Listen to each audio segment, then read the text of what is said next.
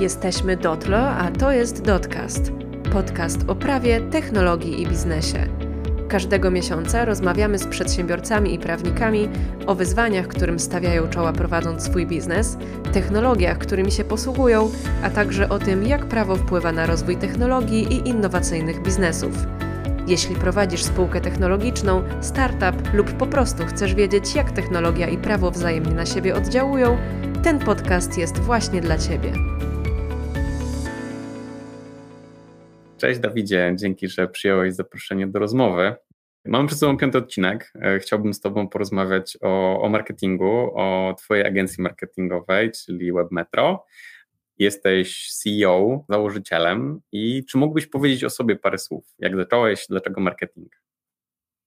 Tak, no, zajmuję się już tematem od, będzie 14 rok leciał, jeśli chodzi o marketing internetowy. Wcześniej pracowałem e, na etacie w firmie informatycznej Infobrokering.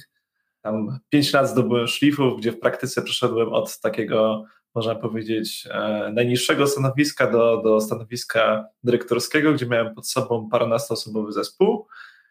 No i jakoś teraz od e, ponad 8 lat prowadzę, prowadzę agencję reklamy internetowej WebMetro.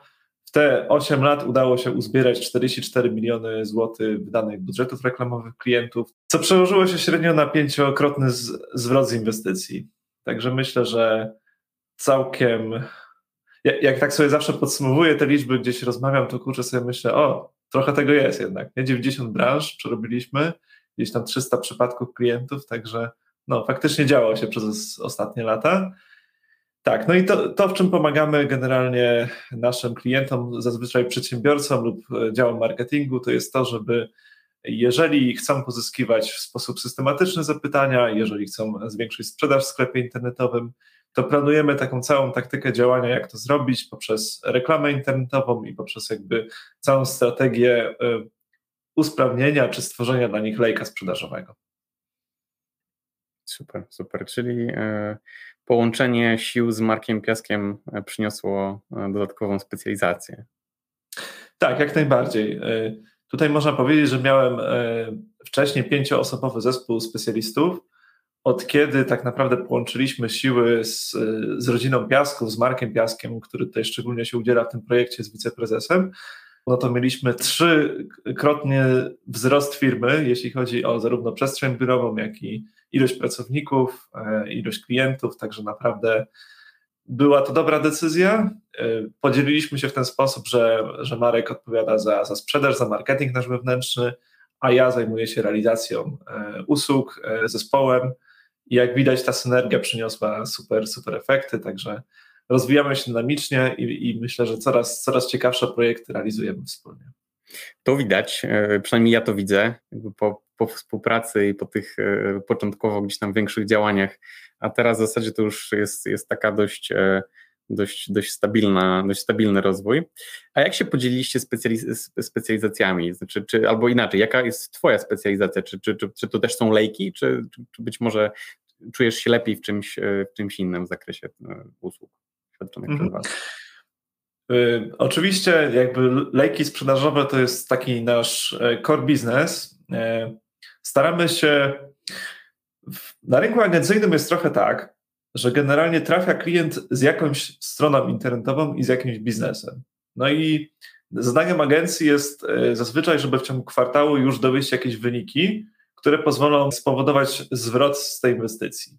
I jakby zauważyliśmy, że jeżeli to my odpowiadamy za przygotowanie tej strony, za przygotowanie tej strategii, E, pozyskiwania klientów, czyli, czyli zbudowania lejka sprzedażowego, no to jakby jest dużo większe prawdopodobieństwo, że ta kampania szybko przyniesie zwrot.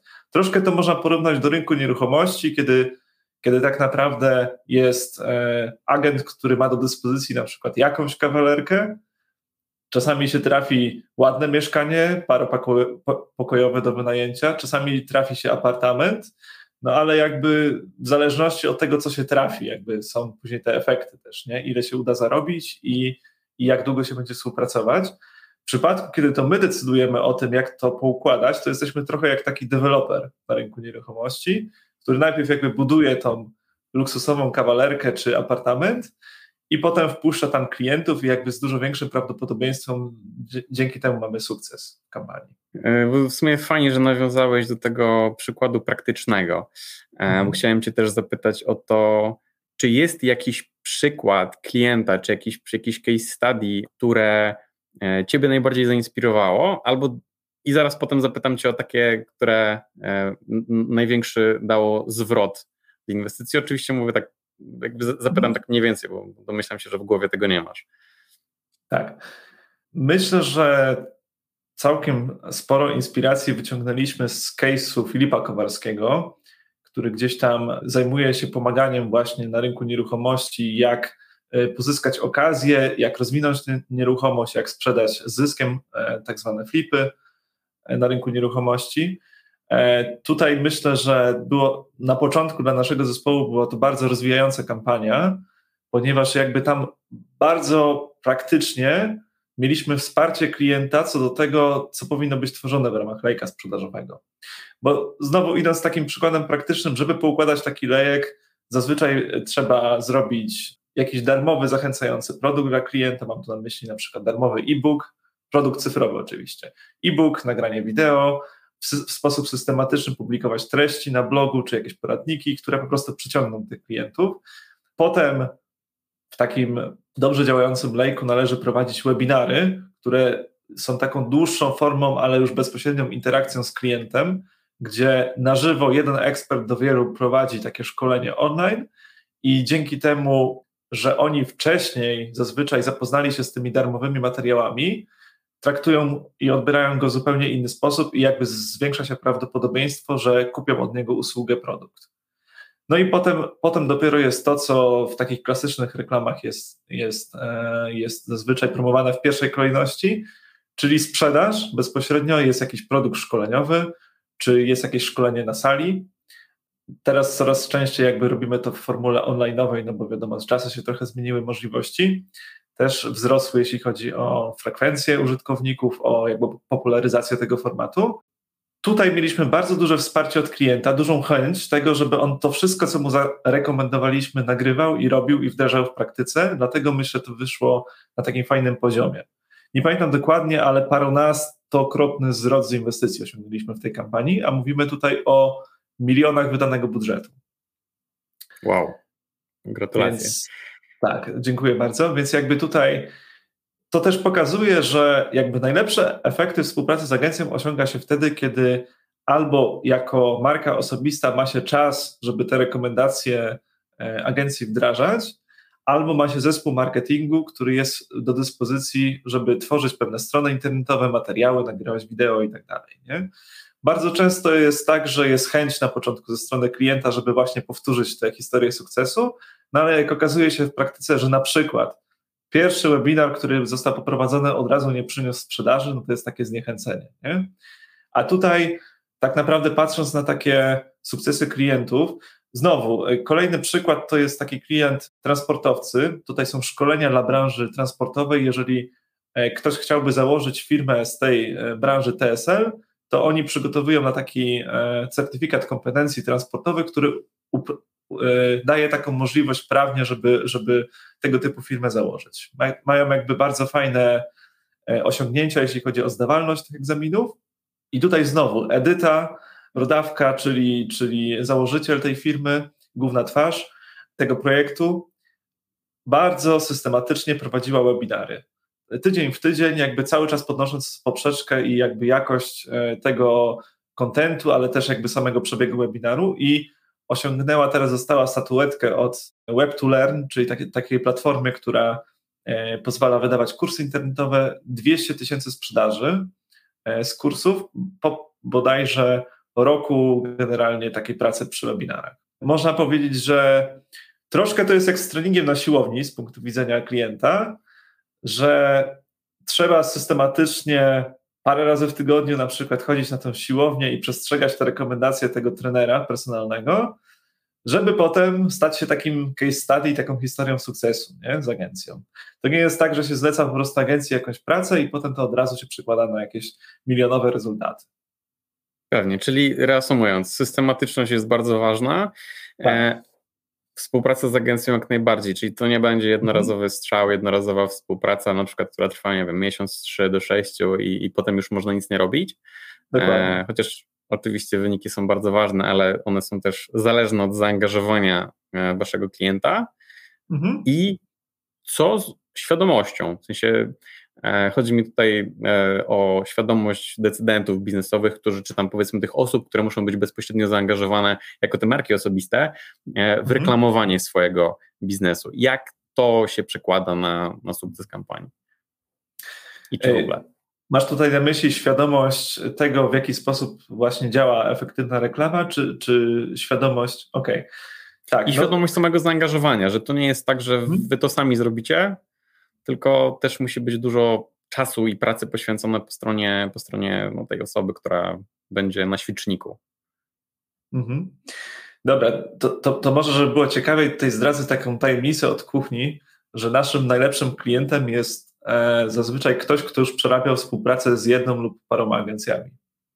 Okay. Czyli w praktyce gdzieś tam przepalił już trochę budżetu i w praktyce popełnił te błędy, które są dla początkującego zleceniodawcy i wyciąga już wnioski, jak to można zrobić lepiej i idzie do partnera, który pewnie nie ma najniższej ceny, no ale wie, jak to wszystko poukładać. E, I bardzo często jest tak, że to nie, to nie polega chyba na tym, że przeczyta się jakieś mądre książki albo obejrzy się jakieś szkolenia i ma się już tą świadomość, jak y, współpracować mądrze, czy z kancelarią prawną, czy, czy generalnie z agencją marketingową, tylko po prostu trzeba przejść parę takich przypadków, trzeba przejść parę takich e, zadań, które się z tym wiążą, po prostu, żeby, żeby pracować lepiej. Czyli albo na własnym doświadczeniu to przejść, albo jest jeszcze druga możliwość. Ja też w zeszłym roku stworzyłem taki kurs, jak współpracować z agencją. E, I właśnie wychodząc naprzeciw temu, żeby ludzie, którzy chcą zlecić już pracę agencji, którzy gdzieś tam czują, że powinni zacząć kampanię tworzyć, żeby nie musieli się uczyć na własnych błędach, tylko żeby mogli posłuchać mnie przez niecałe dwie godziny. I jakby przechodzę po wszystkich po kolei tematach, co warto krok po kroku przygotować od strony internetowej po analitykę internetową przez właśnie zasoby ludzkie, tak żeby od razu, zlecając już pracę tej agencji, ona przekładała się na mierzalne, e, powtarzalne efekty. Super. Czyli e, świadomość albo doświadczenie też jest bardzo e, pomocne w, w, w tym, żeby. Przygotowanie, on tak powiedział, tak, do tematu. Mhm. Okej, okay. dobrze, dobrze. I e, zadam Tobie takie samo pytanie, jak zadałem Markowi, albo bardzo zbliżone, mam wrażenie, że go o to zapytałem. Mhm. Czy lejkiem można sprzedawać produkty cyfrowe i jakby fizyczne? Czy, czy, czy, jest, czy coś jest łatwiej sprzedawać, albo nie wiem, efektywniej, skuteczniej sprzedawać? W sensie, na przykład dobra cyfrowe łatwiej jest sprzedać niż, niż, niż dobra takie namacalne? No, ciekawe pytanie w zasadzie. Takim największym, najpopularniejszym lejkiem marketingowym świata jest IKEA, gdzie tak naprawdę wchodzi się do, do sklepu i po kolei przychodzi się przez ten tunel, prawda? Nie da się od razu przejść do kasy, jeżeli stwierdziliśmy, że na przykład żona wysłała nas tylko po jakiś tam mebel do domu, tylko trzeba od razu przejść przez te wszystkie e, promocje, oferty specjalne, no i mini produkty, które są zazwyczaj tak kuszące i tak tanie, kontrastowo do, do, do, tego, co widzimy w innych sklepach, że po prostu e, strach je mm, nie kupić i wrzuca się jakby do koszyka, prawda? Te, po kolei jakby wszystkie te, te rzeczy. No i jakby przechodząc przez godzinę przez ten sklep, zgłodniejemy, następuje upsell, czyli tutaj mamy znowu bardzo, bardzo tanie jedzenie, które IKEA też stara się rozwijać w kierunku wegańskim, takim bardziej, bardziej zdrowym, żeby też w różne gusta e, klientów trafić. I znowu mamy jakby zwiększenie wartości koszyka zakupowego, czyli to jest przykład takiego lejka offline'owego, który, który jest bardzo dobrze skonstruowany i, przynosi od razu e, jakby zwrot po, po wizycie w, w takim tunelu. E, jeśli chodzi o przeniesienie takich produktów fizycznych do świata cyfrowego, bardzo często sklepy internetowe też wybierają swoje najbardziej dochodowe produkty, tworząc właśnie lejki marketingowe, czyli może to być e, w pierwszej kolejności bezpłatny katalog produktów, e, potem mogą się wyświetlać w ramach reklamy opinie zadowolonych klientów, następnie jest jakaś oferta specjalna, jednorazowa, która pozwala kupić mini produkt, Potem jest wiadomo zwiększanie tego e, wartości koszyka, jeżeli ktoś się na to zdecyduje. Można to, to przenieść oczywiście na, na lejek sprzedażowy. Natomiast zwykle w przypadku tych produktów fizycznych sprzedaży marża jest znacznie mniejsza niż w przypadku produktów cyfrowych. Więc jeżeli tworzymy kurs internetowy, czy jeżeli e, sprzedajemy poprzez webinary, czy też mamy na przykład platformę internetową, która jest w pełni internetowa, to na pewno dużo szybciej osiągniemy zwrot z tej inwestycji, jeżeli zrobimy to za pomocą lejka marketingowego, no bo naturalnie ten klient, który jest, wchodzi w interakcję z nami poprzez te mini czy darmowe produkty, potem będzie tak samo wchodził w interakcję na ten produkt główny, więc jakby łatwiej go zatrzymać i zmonetyzować w tym momencie. Więc jakby podsumowując, okay. myślę, że tak naprawdę w każdym przypadku, w którym mówimy o, o sprzedaży produktów pakietowych, takich, które nie składają się z jednej, jedynej rzeczy, tylko można je porozdzielać na e, małe, średnie, duże, można mówić o lejku sprzedażowym. No chociażby McDonald's, prawda? Ka każdy z nas przynajmniej raz był w tej restauracji i wie, że jakby z założenia często przychodzimy tylko po burgera, a potem wychodzimy z zestawem całym. To też jest lejek okay. sprzedażowy. I co ciekawe, to jest jakby przykład bardzo fajnej procedury, bardzo prostej, gdzie tak naprawdę e, w ramach schematu tego, w jaki sposób zamawia się e, jedzenie, można podbijać wartość, a może zestaw powiększony, prawda? Magiczne pytanie, który jest bardziej korzystny niż w przypadku, kiedy kupisz samą kanapkę. I to już jakby powoduje, że to, co my de facto przekazujemy w ramach reklamy internetowej lejków, jest realizowane w takim świecie offline'owym. Okej, okay, dobra. Czyli reasumując, zarówno rzeczy jakby fizyczne, istniejące, można sprzedać istniejące, powiedzmy, namacalne, materialne, można, można sprzedawać za pośrednictwem lejka, jak tak. i cyfrowe, przy czym przy cyfrowych łatwiej jest to wszystko zautomatyzować. Potencjalnie to są rzeczy bardziej dochodowe ze względu na marżowość. I w sumie też wydaje mi się, że odpowiedziałeś na pytanie następne, które chciałem zadać, czyli mhm. czy możemy sprzedawać zarówno towary, jak i usługi, no ale już padły platformy, o których wspomniałeś, więc zakładam, że tutaj też odpowiedź jest twierdząca. I w sumie nie jestem pewien, czy to wychwyciłem, bo wspomniałeś o, o kampanii Filipa, ale czy jest jakaś kampania, z której jesteś szczególnie dumny? Czy to byłaby ta, ze względu na, na jej powiedzmy zasięgi, na jej, na jej zwrot, czy, czy, czy być może jest to coś innego? Myślę, że nie mam takiej jednej ulubionej kampanii, bo z założenia zakładając tą firmę chciałem pomagać przedsiębiorcom zdobywać klientów w internecie. Jakby zafascynowało mnie to, że tak naprawdę jest załóżmy osoba, która ma jakiś problem i jest przedsiębiorca, który ciężko pracuje, żeby ten problem rozwiązywać i jakby my możemy tak naprawdę poprzez chociażby reklamę w Google, gdzie on pisze odpowiednie słowa kluczowe, ich połączyć, stworzyć taki most, no nie? Więc pewnie na pewno ekscytujące były takie kampanie jak tworzenie lejka mm, reklamowego w Google dla iRobot, gdzie odkurzacze Roomba jako wyłączna reklama w Google obsługiwaliśmy czy na YouTubie. Fajnie też jest reklamować na przykład Indigo Nails, taką markę, którą gdzieś tam większość Polaków rozpoznaje. Natomiast też jakby pomoc tym mniejszym przedsiębiorcom, którzy często przychodzą bez pomysłu, którzy często przychodzą z, z mniejszym budżetem i my jesteśmy w stanie zrobić, e, zrobić im e, jakąś robotę, która na przykład rozkręci biznes tak, że zaczynają na przykład zatrudniać pracowników, to jest też jakby satysfakcja na koniec dnia. Zarówno jakby zwiększanie tych marek, które już są duże i, i, i dalsze ich e, rozpromowanie, jak i to, że tak naprawdę pomaga się mniejszym, żeby stali się na przykład średni. Prawda? Jest, jest takim, takim fajnym wyzwaniem. Praktyczny może jeszcze przykład, jeżeli pozwolisz.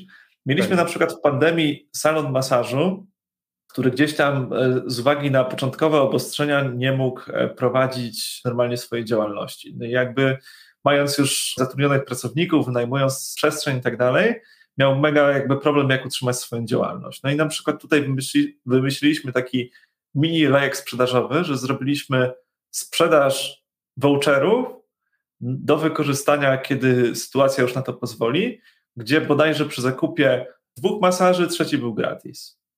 I to pozwoliło jakby zebrać ten cash dla klienta teraz i przetrwać jakby ten trudny okres e, paru miesięczny i kiedy jakby miał odblokowaną działalność, tak naprawdę mógł wrócić z tym samym zespołem e, i, jakby do, do tych samych klientów i myśleć, jak tu zdobywać klientów, właśnie dzięki temu, że poprzez taki mały lejek sprzedażowy udało się właśnie ten, e, ten problem rozwiązać. Nie?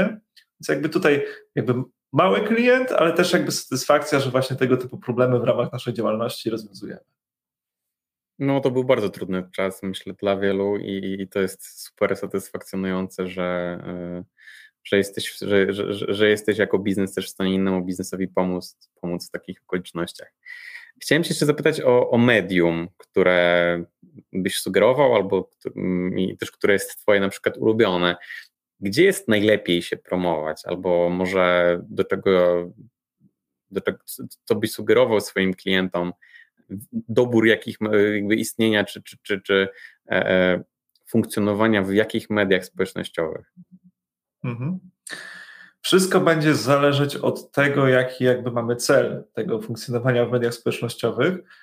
Jeżeli już mamy jakiś produkt, który chcielibyśmy za, zaoferować do, do wybranej grupy docelowej, to w przypadku takiego e, klienta indywidualnego pewnie najlepiej sprawdzi Facebook, bo tam możemy sobie dobrać po zainteresowaniach, po płci, po, po wieku naszą grupę docelową i jakby do niej precyzyjnie kierować content. Jeśli chodzi o klienta biznesowego, no to tak analogicznie działa tutaj LinkedIn, gdzie jest też system reklamowy, który pozwala wybrać zatrudnienie, branżę, wielkość firmy, tego typu kryteria, które pozwalają znowu precyzyjnie po stanowisku na przykład dotrzeć do osoby decyzyjnej. Także, także tutaj w przypadku, kiedy mamy specjalistyczne usługi konkretnie sprecyzowanego klienta, na przykład korporacyjnego, no to jak najbardziej LinkedIn. Myślę, że jeżeli chcielibyśmy dotrzeć do młodszych odbiorców, to celowałbym w TikToka i tutaj też jakby zaczynamy wdrażać już, już pierwsze projekty w, w tym medium społecznościowym i, i za jakiś czas pewnie będę mógł też powiedzieć o case'ach, jak to, jak to wychodzi w praktyce i na jakie liczby się przekłada. A jeśli chodzi o branżę beauty, czy generalnie mm, jakieś usługi fryzjerskie, to co byśmy chcieli jakby pokazać piękno naszych usług, takim dobrym miejscem będzie Pinterest, gdzie też robimy kampanie reklamowe i jakby jeżeli mamy zdjęcia czy filmiki do pokazania, efekty przed i po na przykład, to bardzo fajnie się też sprawdza. Także jakby możliwości jest wiele w zależności od tego, jaki jest nasz klient, jaki jest nasz klient docelowy. Czyli w tym zakresie też lepiej jest się zapytać e, specjalisty i przyjść z własnym case study, żeby to zderzyć, żeby, się, żeby nie marnować czasu na zbędny marketing w mediach, które no nie dają za bardzo zwrotu. Tak, zgadza się. I tutaj bym e, powiedział, że widzę taki częsty błąd, który się powtarza, case, że mm, jest grupa przedsiębiorców, która na przykład marek osobistych, które wrzuca swój content, ale nie bardzo wie, jak zrobić to, żeby duża ilość odbiorców to oglądała. Czyli jakby naprodukują się, narobią, na przykład publikują na YouTubie systematycznie treści, ale no mają po 100 odbiorców. Nie? Dzięki temu, że wiemy, jak działają systemy reklamowe i że agencja może taką kampanię do grupy docelowej poukładać, możemy w dość prosty sposób jakby sprawić, że na przykład każdy z naszych odcinków będzie miał po minimum tysiąc odbiorców. Jakby tutaj budżet jest tak naprawdę limitem tego, e, jeśli chodzi o budowanie tego typu społeczności. Ja też jakby swój podcast Łączy Nas Marketing e, publikuję na YouTubie i właśnie mamy taki KPI, że minimum tysiąc odbiorców na odcinek poprzez kampanię reklamową pozyskujemy. Super, I wtedy, to jest, to jest dobry wynik. Tak, i wtedy, dokładnie, i wtedy, wtedy to ma jakby sens, no bo czujesz, że przynajmniej ktoś to ogląda, prawda? Że pojawiają się ludzie, którzy, których to przede wszystkim interesuje. Można też potem y, sprawdzać analitykę na zasadzie, że widzimy na przykład, w którym momencie y, wyłączają odcinek, albo w którym, y, albo jakiś średni czas oglądania tego odcinka i na tej podstawie też jakby dobierać interesujące dla tej grupy tematy. Okej, okay, okej. Okay. A no nie wiem, w, w, usługach marketingowych, w usługach e, agencji marketingowej, mhm. które medium jest nie wiem, skuteczne, bo wiem, że wykorzystacie i z Facebooka, i z, i z YouTube'a, i, e, i widziałem też wpisy na LinkedInie. E, mhm. i, i, i, jakby sugerujesz łączenie, czy, czy jest jakieś takie preferowane? E, można powiedzieć, że akurat zarówno w Twojej branży prawnej, jak i w e, branży agencji reklamowych reklama jest jedną z najtrudniejszych. Są chyba nawet najwyższe stawki, jeśli chodzi o reklamę i jakby ilość też konkurencji, która gdzieś tam się chce reklamować.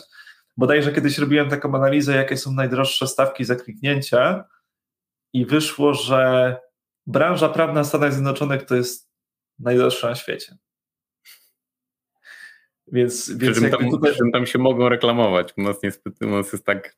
Są ograniczenia, tak, tak, tak. Tak, trudno to jest ogarnąć. I, tro, I troszkę podobnie to wygląda w przypadku agencji, że jeżeli na przykład my byśmy zrobili taką standardową reklamę na słowa kluczowe, to okazuje się, że jest bardzo dużo agencji, które też to potrafią, no bo jakby z tego, z tego żyjemy i wiemy, jak to ustawić i tak naprawdę podbijemy, podbijamy ciągle siebie wzajemnie i powstaje coś takiego, że tak naprawdę jeżeli już jesteśmy w tych pierwszych wynikach wyszukiwania w Google, to klient potem zbiera oferty od paru agencji, no i zaczyna się sugerować ceną i zaczyna porównywać i tak dalej, a nie o to, nie o to nam chodzi. Nie? Więc jakby tutaj staramy się być, tak jak zauważyłeś, we wszystkich mediach, e, tam gdzie nasi klienci są po trochu, żeby budować bardziej wiedzą i naszym doświadczeniem taki wizerunek eksperta, żeby wybrać nas nie dlatego, że my akurat wyświetlamy się gdzieś tam w wynikach wyszukiwania i, i ktoś tam akurat przypadkowo kliknął, tylko żeby bardziej to był taki przemyślany proces, że przynajmniej parokrotnie klient wcześniej miał doświadczenie z naszą marką, przeczytał jakieś case study, był e, na naszych e, stronach z poradnikami, zapoznał się z postami, e, może odwiedził nasz, nasz webinar, czy obejrzał naszą konferencję internetową, jeżeli przychodzi już taki klient, to on jest dużo bardziej zorientowany w tym, co można zrobić i jakie my mamy dla niego możliwości. Także celujemy jakby w multikanałowość i w to, żeby edukować klientów zdecydowanie. No tak, to wydaje mi się, że nawet z, z rozmowy z Markiem wynikało, że wyedukowany klient, czyli świadomy klient, klient, mhm. który e, wie, czego chce i wie, czego można oczekiwać od, od eksperta, jakim, jest, kim jesteś ty, jakim jest Marek, jest zdecydowanie, w sensie e, sukces e, jakby kampanii czy współpracy z nim jest dużo bardziej prawdopodobny, czy wręcz nieprawdopodobne jest, że sukcesu nie będzie, czy powiedzmy zakładanych, te zakładane cele nie zostaną osiągnięte. To, to jest bardzo, bardzo tak. istotna. To jest bardzo, bardzo, bardzo istotna uwaga. I czy jest jakaś uniwersalna porada, którą byś e, swoim klientom albo jakby potencjalnym klientom, w ogóle osobom prowadzącym działalność udzielił w obrębie reklamy? Myślę, że to, żeby nie bali się nagrywać wideo. To jest taki powtarzalny case, że gdzieś tam e, klienci mają z tym problem, żeby pokazać się przed kamerą, często odkładają parę lat tą decyzję. Natomiast systemy reklamowe bardzo w tym momencie faworyzują e, ten format reklamowy. Nie dość, że on się wyświetla jakby częściej, jeżeli robimy to w formie nagrania wideo w stosunku do reklamy takiej tekstowej czy bannerowej, to jeszcze są dużo niższe stawki za reklamę. Bo przykładowo, jeżeli chcielibyśmy w takiej przeciętnej branży wystawić reklamę w Google czy na Facebooku, no to płacimy zazwyczaj parę złotych za kliknięcie, czyli przejście na stronę internetową, a w przypadku, kiedy, kiedy wyświetlamy klientowi wideo, rozliczamy się w groszach, czyli jest to na przykład od 5 do 50 groszy w zależności od branży e, za obejrzenie takiego wideo. Więc jakby możemy tak naprawdę parokrotnie taniej zrobić naszą reklamę i jeszcze skuteczniej, no bo angażujemy jakby różne zmysły w odbiór te, tej reklamy, nie tylko wzrok, i im szybciej tak naprawdę zacznie się nagrywać w formie wideo e, reklamy, tym lepsze tak naprawdę będzie się miało zwroty z, e, z inwestycji w reklamę. I tutaj też staramy się edukować, że nie zawsze musi to być właściciel firmy, bo nie każdy też czuje się jakby tą twarzą, ale może to być osoba z zespołu, w którą chcemy zainwestować, która, która może być takim długofalowym graczem, który, która będzie promowana e, w mediach i będzie się kojarzyła z naszą marką. Można też zawsze wynająć po prostu profesjonalistę, który gdzieś tam w przypadku dużych brandów to tak właśnie jest, prawda, że jeżeli oglądamy reklamy telewizyjne, to zazwyczaj wynajmuje się czy znanych piłkarzy, piosenkarzy, ludzi publicznych po prostu po to, żeby gdzieś tam z, danym, z daną marką się, się kojarzyły. No i to, to jakby działa w praktyce. Przekłada się faktycznie na efekty. I z racji tego, że to jest trudniejsze, myślę, że zawsze będziemy mieć przewagę, jeżeli robimy wideo. Bo zawsze będzie ta tendencja, żeby pójść trochę na łatwiznę, żeby zrobić to po prostu po najniższej linii oporu, oporu żeby nagrywać wideo, pewnie też tutaj się zgodzisz, Damian, nagrywając te, właśnie tego typu nagrania, że to też jest trochę jak z treningiem na siłowni, że tak naprawdę trzeba wiele takich materiałów nagrać, żeby być tak naprawdę z siebie zadowolonym z tego efektu końcowego, jak to wychodzi w praktyce. I pewnie nigdy nie jest tak, że się jest z siebie do końca zadowolonym, no ale gdzieś tam warto ćwiczyć i warto na przykład obejrzeć sobie takie wideo sprzed paru lat i teraz i wtedy widzi się tak naprawdę taki efekt przed i po, jak właśnie ćwiczenia tego mięśnia wystąpień publicznych czy wystąpień przed kamerą potem przekłada się na efekty.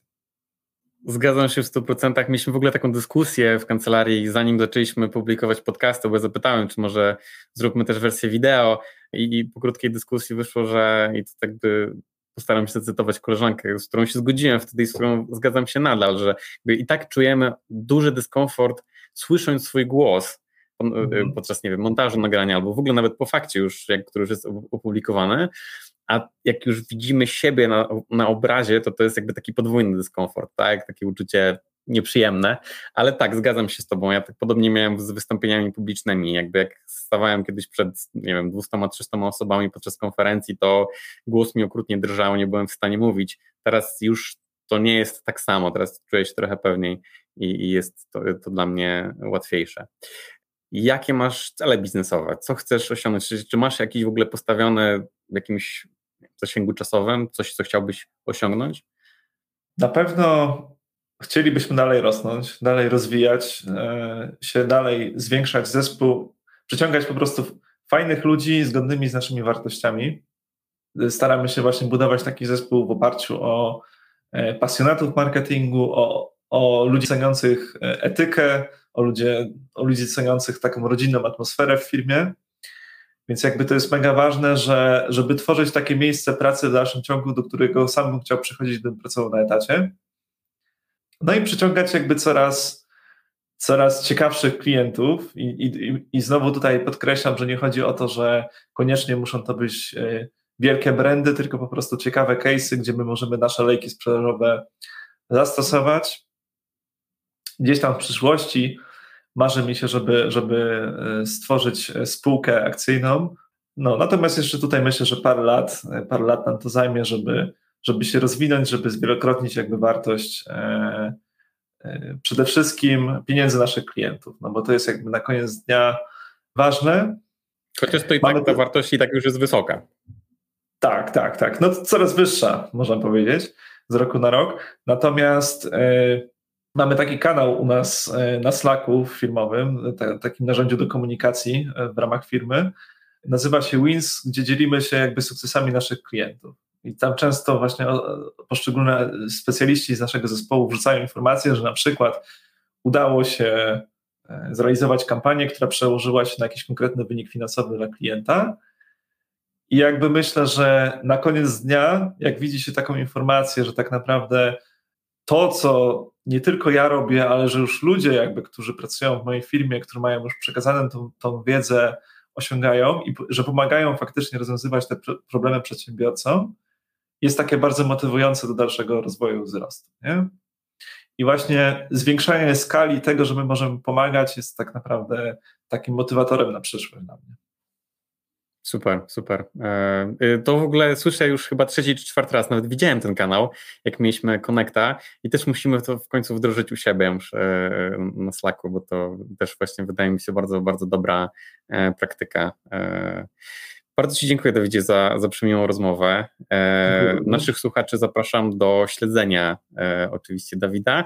Zaraz zaczynamy nagranie podcastu Dawida, e, więc też zachęcam do słuchania. Będzie na pewno link e, u mnie na LinkedInie i na Facebooku. No i cóż, do, do usłyszenia, do zobaczenia. Dzięki wielkie, do usłyszenia, cześć. Cześć. Nadszedł czas na podsumowanie piątego odcinka podcastu, czyli kilka uwag od prawnika. Prowadzenie działalności w branży reklamy jest wymagające, bo regulacje różnią się w zależności od produktu czy usługi, jakie reklamujemy. Szczególnym restrykcjom poddana jest reklama alkoholu, wyrobów tytoniowych, leków, kosmetyków, suplementów diety czy wyrobów medycznych. I tutaj ciekawostka, bo wyrobem medycznym może być aplikacja mobilna, która będzie podlegała podobnym ograniczeniom w zakresie reklamy, jak na przykład urządzenie do wspomagania pracy serca czy monitorowania fal mózgowych.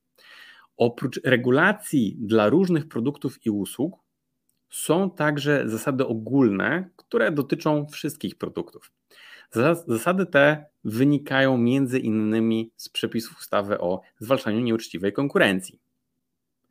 Przykładami reklam, które mogą naruszać ustawę o zwalczaniu nieuczciwej konkurencji są m.in. reklamy porównawcze, które polegają na zestawieniu towarów czy usług przedsiębiorcy z konkurencją w taki sposób, który będzie umożliwiał rozpoznanie tego konkurenta przez odbiorców.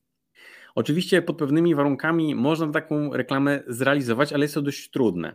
Tutaj dobrym przykładem takiej reklamy porównawczej, która jest zrealizowana zgodnie z przepisami, jest reklama Pepsi czy Coca-Coli, które ze sobą oczywiście rywalizują. Kolejnym przykładem może być reklama wprowadzająca w błąd, która może w nieuczciwy sposób wpłynąć na decyzję co do wyboru danego towaru lub usługi. Może się to odbyć na przykład poprzez sprzedaż suplementów diety, które będą reklamowane jako coś, co leczy, czyli produkty lecznicze. Innym przykładem może być, mogą być usługi bankowe, które są reklamowane przez podmiot parabankowy. Kolejnym przykładem może być reklama ukryta albo tak zwana kryptoreklama. Jest to reklama po odbiorze której przeciętny konsument może odnieść wrażenie, że to nie jest reklama, tylko taka neutralna prezentacja produktu. Skrajnym przykładem, o którym pewnie część z Was słyszała, może być prezentacja garnków, materacy czy urządzeń RTV AGD skierowanych oczywiście do osób starszych, ale w ubiegłym roku Urząd Ochrony Konkurencji i Konsumentów wydał wytyczne dotyczące kryptoreklamy w mediach społecznościowych. Urząd ten prowadzi także postępowania w sprawie nałożenia kar na niektórych influencerów za brak oznaczonego w widoczny sposób sponsoringu. I kary finansowe już takie nałożył. W zeszłym roku w grudniu UOKiK poinformował o postępowaniach prowadzonych wobec Kruszwila, Mofaszyn, Marcina Dubiela i Julii Kuczyńskiej. W tym roku, w maju, UOKiK wszczął kolejne postępowania w związku z działalnością m.in. Pawła Malinowskiego, Marcina Malczyńskiego oraz Weroniki Bielik. Warto w postach sponsorowanych, to jest teraz informacja kierowana głównie do, do, do influencerów, warto wskazać, że post jest sponsorowany albo że wynika ze współpracy.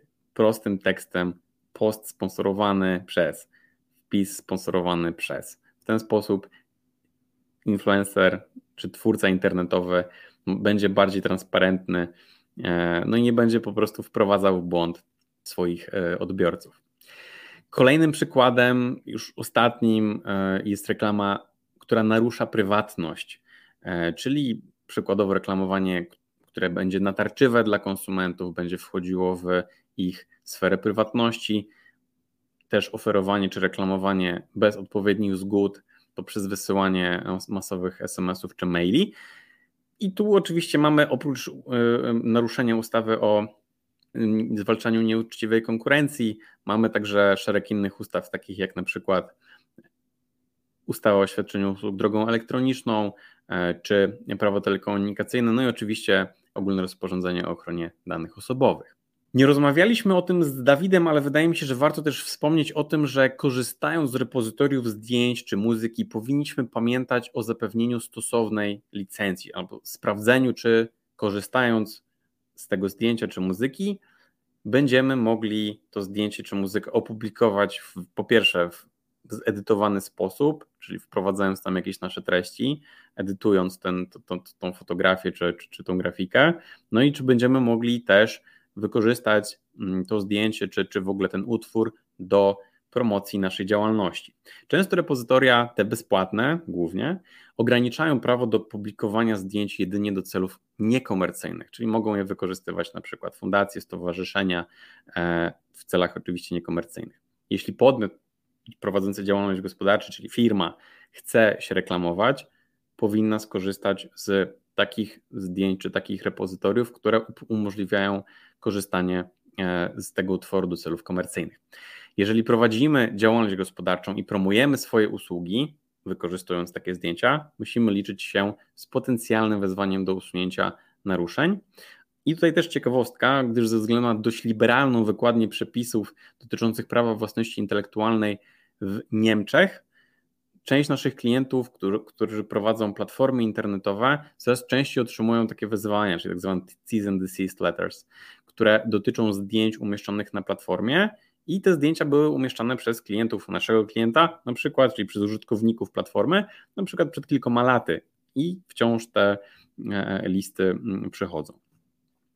E, bardzo dziękuję, że jesteście z nami. Zachęcam do odsłuchania kolejnego odcinka naszego podcastu już za miesiąc, w którym porozmawiam z Adrianem Milnikielem na temat emisji tokenów HERB, które wspólnie przeprowadziliśmy. W razie pytań i uwag zachęcam do kontaktu za pośrednictwem naszych mediów społecznościowych. Do usłyszenia.